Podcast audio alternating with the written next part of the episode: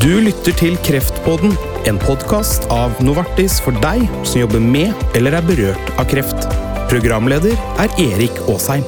Vi som helsepersonell har et stort ansvar for at de pasientene som går ut av sykehuset den siste dagen, har et opplegg og en plan for veien videre. Velkommen til eh, Kreftpodden, eh, Lotta Våde. Tusen takk. Du eh, har jobbet eh, nesten 30 år med kreftpasienter, eh, både som sykepleier og studiesykepleier, eh, bl.a. på Radiumhospitalet i Oslo. Og i, i, denne episoden så skal vi fokusere på livet etter at man er ferdig i gåseøynene med, med, behandlingen, og, og, og, verden forventer at man er tilbake slik man var før, eh, før man, man, man, fikk kreft. Eh, og dette kan du mye om, eh, Lotta. Eh, du driver bl.a. Kreftkompasset, som er en organisasjon som jobber med å følge opp eh, kreftpasienter som er ferdig med kreftbehandlingen. Bare aller først, fortell litt om denne organisasjonen. Ja, Grunnen til at vi startet den, var at vi syns at vi er veldig gode på behandling, og så er vi mindre gode på tiden etterpå. Så det var jeg og en sykepleierkollega som for tre år siden da startet opp Kreftkompasset, nettopp av den grunnen at vi har lyst til å prøve å lage gode tilbud for de som er ferdigbehandla, og også en del pårørende. og ja, så den veien har blitt til mens vi har gått, men det har vært liksom hele hensikten har vært å ha fokus på tiden etterpå. Mm. Og et av Kreftkompassets tiltak det, altså det, det, er noe som dere har kalt mentorskapprogrammet. Mm. Hvor du er initiativtaker og prosjektleder. Og, og mentorprogrammet skal da uh, hjelpe kreftoverlevere tilbake til, til, til jobb. Og, og, og, hvorfor, trenger man en, hvorfor trenger man en mentor? Klarer man det ikke selv? Altså, veldig mange går ut av den siste behandlingen på sykehuset uten kanskje noen plan videre. Mm. Og mange føler at man har mistet eh, en del av seg selv, og man kanskje ikke man ikke så, har lyst til å ha så mye fokus på det den dagen man går ut, for da er det litt sånn yes, nå er behandlingen ferdig, og nå skal jeg liksom tilbake igjen. Og så prøver man, og så er det ikke alle, men ganske mange opplever at livet etterpå er utfordrende. Mm. Man kan miste mye av selvtilliten sin, man har en del seneffekter som gjør at man ikke orker så mye som før, og da kan det bli vanskelig å komme tilbake i jobb, man orker ikke å være så sosial. Og så samtidig så har man litt den følelsen av at jeg burde jo være så takknemlig. Jeg har jo blitt frisk, jeg, eller i det minste er jeg kreftfri. Mm. Så det og da dette mentorskapsprogrammet gjør, det er at du får en person som kommer litt utenfra, som ikke er familien din, som ikke er helsepersonell, og som gjør dette helt frivillig. For vi tar da kontakt med private bedrifter som stiller med mentorer. Mm. Og da får du en person som går litt veien sammen med deg i ett år. I ett år, ja. ikke sant? Altså, Mentoren skal da følge kreftoverlevere eh, over et år. og Helt konkret, da, hva er det man gjør? Hvordan er det man rett og slett skal, skal, gjøre livet etterpå bedre? Altså Alle som søker, da, alle kreftoverleverne som søker, de skal ha et eller annet de ønsker å jobbe med. Og det er for mange å klare å komme ut i jobb, eller stå i den jobben man har, eller bytte jobb. Men det kan også være det å få et sosialt bedre liv. Eller så hele det prosjektet man liksom jobber med, det blir til på bakgrunn av de utfordringene som akkurat den kreftoverleveren har. Mm. Men så ser vi da at mentorene de kommer fra private bedrifter, og de jobber gjerne litt sånn prosjektaktig. ok, Vi setter oss ned, vi ser på hva er problemene dine, og så jobber vi sånn og sånn for å liksom komme mot en, en løsning. Men, og det som er så fint med det programmet, det er at mentorene og bedriftene føler at de lærer like mye som det kreftoverleveren gjør. Mm. Fordi de får lært masse om kommunikasjon, krisehåndtering, Eh, hvordan tar man tilbake langtidssykemeldte? Ja, veldig mange ting. da. Sånn at det er et veldig sånn vinn-vinn-program, da, ja. føler jeg. Og dette, dette mentorskapsprogrammet det er da én modell, ikke sant? Ja. Uh, men, men sånn, hvis vi, hvis vi sånn helt generelt, da, mm. hvis vi snakker litt om Eh, hva skal til for å få pasienten tilbake til liv og samfunn etter, et behandling, etter endt behandling? ikke sant? Eh, ja. Og, ikke sant? Og eh, hvis man da, Står man der helt alene og tenker på sånn, mm. hvor er det man begynner mm. når, man, når, man, blir måtte, skrevet ut og sendt hjem og kanskje erklært uh, frisk, eller iallfall behandlingen mm. er avsluttet? Mm. Jeg tenker at Det er veldig viktig at når man går ut av sykehuset den siste dagen, at man har noen kontaktpunkter. At Det finnes kreftkoordinatorer i kommunen f.eks. Hvem er det?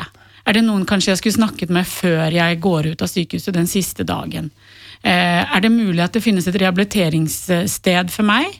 Eh, eller kanskje er det andre ting i kommunen som kan hjelpe meg, men at man har en plan for veien videre. eh, som er litt mer enn akkurat det der at jeg skal på kontroll om tre måneder. For da, da er du veldig opptatt av om du har fått tilbakefall eller ikke, og kanskje ikke like opptatt av eh, alle de andre tingene i livet. Så det å skaffe seg et godt nettverk og, og ha litt sånn trygge ting rundt deg, at du vet hvem du hvem skal jeg ringe nå hvis jeg opplever eh, utfordringer etter at jeg er ferdig. Ta, still det spørsmålet før du går ut av sykehuset den siste dagen. Sånn at eh, Skape din egen, eh, din egen trygghet, tenker jeg, når man går ut av sykehuset. Og det er for mange å finne, den, finne litt det selv, for det er forskjellig hva slags tilbud som finnes i de forskjellige kommunene. Sånn at uh, her må man dessverre kanskje legge ned en liten jobb uh, på egen hånd for å finne ut hva som passer for meg, og hva som finnes for meg. For det er ikke noe sånn automatikk i at den behandlende lege, onkologen, liksom kommer med den smørbrødlista til, til pasienten når vedkommende skrives ut? Nei, det er ikke det. Nei. Det tror jeg veldig mange tror. For jeg hører jo mange som sier at jeg gikk ut den siste dagen, og så tenkte jeg jøss, hva skjer nå? Hvem er det som egentlig som vet at jeg liksom er ferdig nå? Vet fastlegen det? Det å ha en god fastlege, kjempeviktig. Mm. Men det er ikke noe sånn der klart løp. Nå kommer dette pakkeforløp hjem, som politikerne har laget, som skal på en måte lage en strategi for hva man skal gjøre etterpå. Men der, det følger ikke noen midler med i det pakkeforløp hjem. Så akkurat hvordan det skal bli, men tanken er at det skal implementeres i løpet av året i år. Så det er ute til høring nå. og det er, Men hvordan det liksom skal gjennomføres i praksis, det er det mange som, som lurer veldig på. Men, men, men helt konkret? Altså, hva, hva er det dere opplever at, at kreftoverlevere eh, trenger hjelp til? Nei, de trenger hjelp til å finne en ny normal. Ja. Fordi at eh, livet er for de aller fleste ikke sånn som det var. Så det er noe med å akseptere at livet eh, Sånn her er det akkurat nå.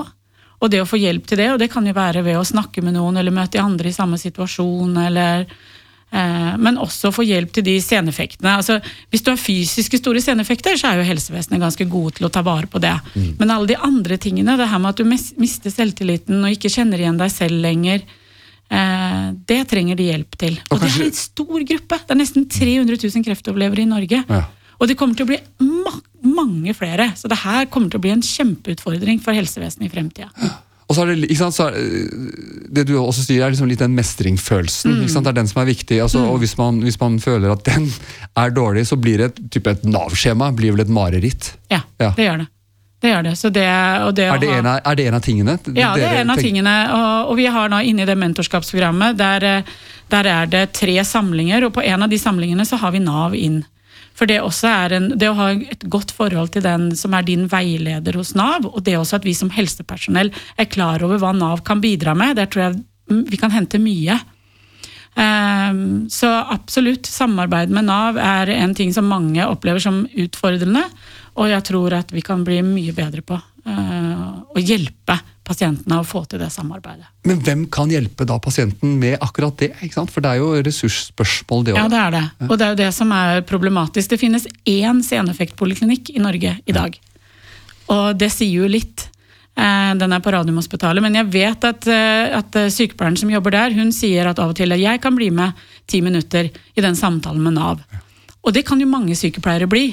Så hvis du er på et annet lokalsykehus rundt omkring, eller hvis du jobber som helsepersonell, tilby deg å bli med.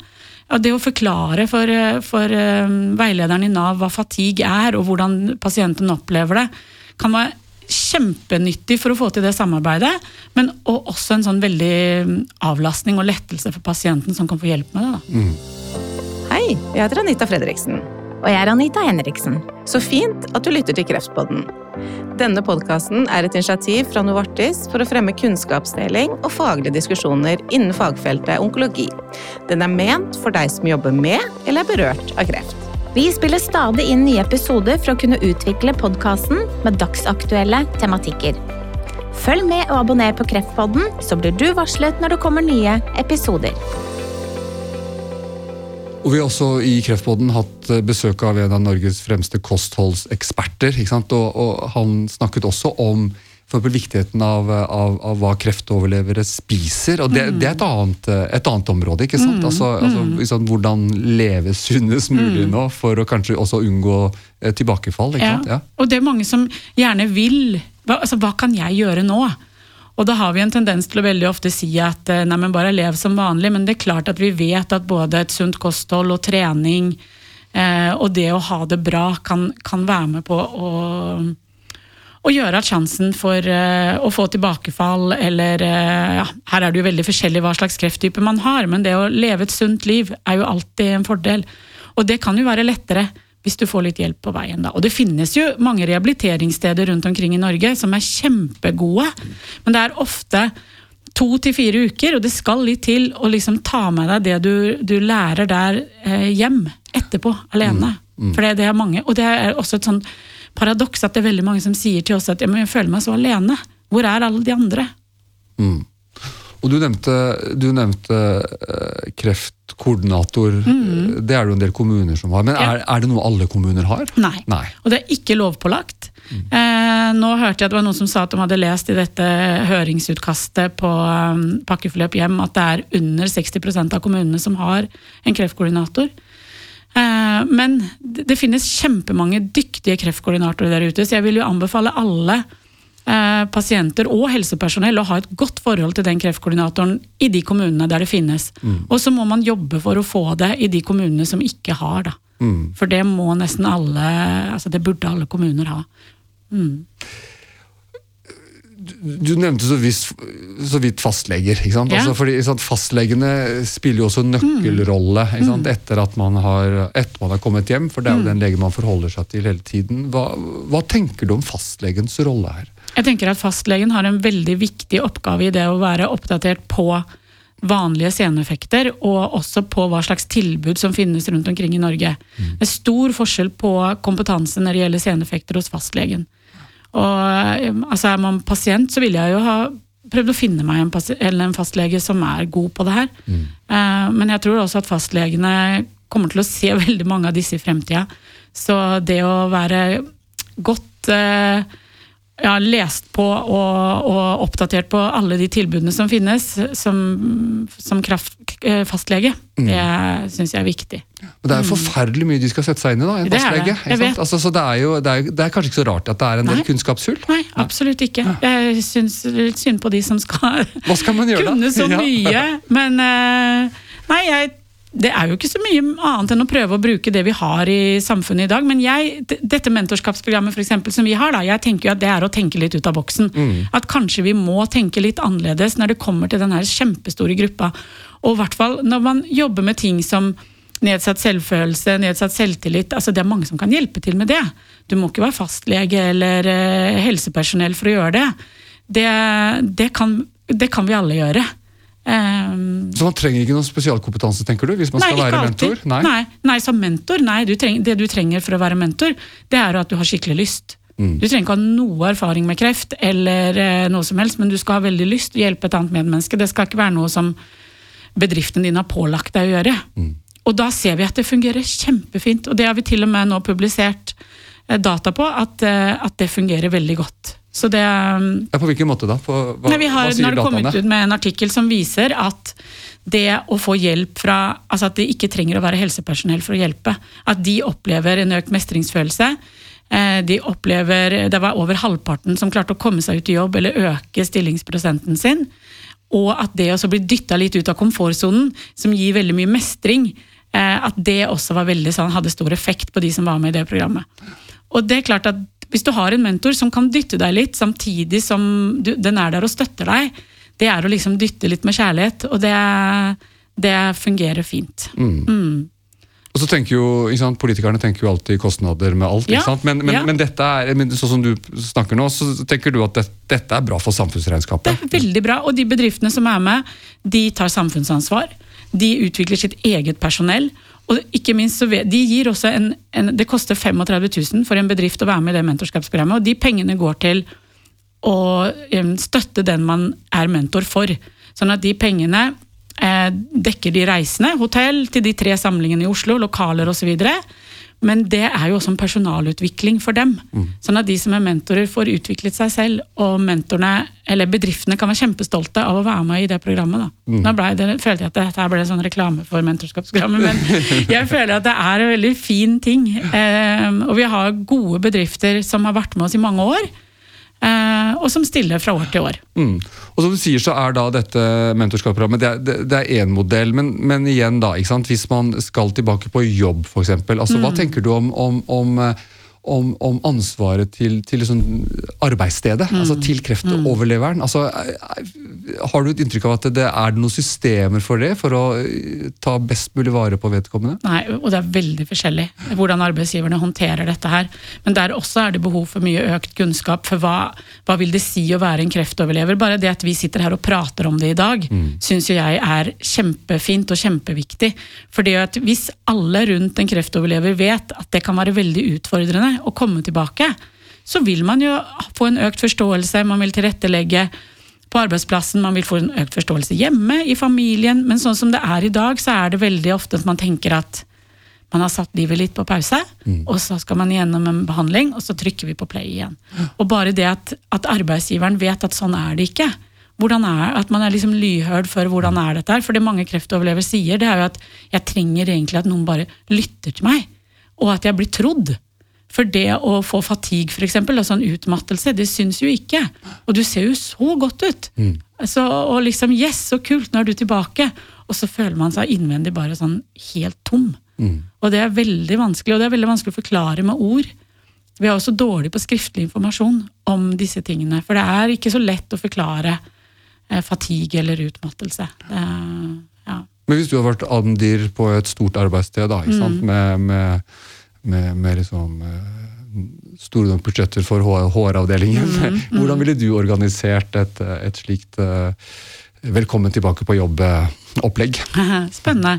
Ja, Hvis jeg hadde fått lov til det, så hadde jeg tenkt at da ville jeg nok eh, eh, kursa den avdelingen, kanskje, som den, som, hvor vedkommende jobber. At alle som liksom er nære medarbeidere, vet eh, eh, hvordan det her er. Kanskje fått inn noen eh, kreftoverlevere til å fortelle om eh, hvordan det er å være kreftoverlever. Fått inn helsepersonell til å forklare. Og også så er det jo veldig forskjellig hva man trenger, men noen kan trenge Jeg vet jo at noen har gått fra å sitte i åpent landskap til å få eget kontor. Det å ha fleksible arbeidstider, f.eks. Mange kreftoverlevere fungerer dårlig på morgenen, men kan fungere veldig fint midt på dagen. Så det å liksom være fleksibel i forhold til hvordan tilrettelegge og bruke de ressursene som finnes der ute, som kan noe om det her, for å tilrettelegge på arbeidsplassen. Jeg tror at veldig mange flere kunne ha kommet tilbake i jobb hvis vi hadde hatt mer kunnskap og tatt oss tid til å lytte til hva de egentlig trenger. Og arbeidsplassen, det, altså, det, er, det er nøkkelen her, som Mm. du ser det. Ja, for mange er det det. Det er jo ikke alle som klarer å komme tilbake i jobb, men vi vet at to år etter at du har fått din kreftdiagnose, så er, bare 40, eller så er det 40% som ikke har klart å komme tilbake i jobb. Og det er ganske mange i året. Det er, eh, det er 7000 personer i arbeidsfør alder som får kreft hvert år i Norge. Så da er det mange vi ikke klarer å få tilbake i jobb. Så her har vi en jobb å gjøre sammen, tenker jeg. Men det er fort gjort for en, eh, ta en, liksom, en litt sårbar bedrift, da, Mm. en, eh, små og mellomstore bedrifter som kanskje tenker det er bedre at Nav tar regninga enn at Mm. vi som bedrift skal ha en som, som går på halv maskin. Ja, men da får man jo prøve å tenke at man også har et ansvar. At ikke alt er penger, tenker jeg da. Eh, Og hvem vet? Altså, det er jo ikke sånn at, at du kanskje har det sånn for alltid, men det er sånn det er nå. og Om, om ett eller to år så kanskje den personen er tilbake i 100% hvis den bare får tilrettelagt og muligheten. Så vi kan ikke gi opp denne gruppen. Det, det går ikke. Tre ting å ta med seg fra denne samtalen. At vi som helsepersonell har et stort ansvar for at de pasientene som går ut av sykehuset den siste dagen, har et opplegg og en plan for veien videre. Og at eh, arbeidsgivere også har et ansvar til å følge opp de personene som har eh, fått behandling for kreft, og at det finnes mange ressurser der ute å bruke hvis man ønsker å tilrettelegge for denne gruppen på jobb. Og så tenker jeg at man kanskje som pasient, da, hvis man skal ta det som et tredje, at ikke vær så redd for å be om hjelp, og prøv å finne ut hva som finnes for deg.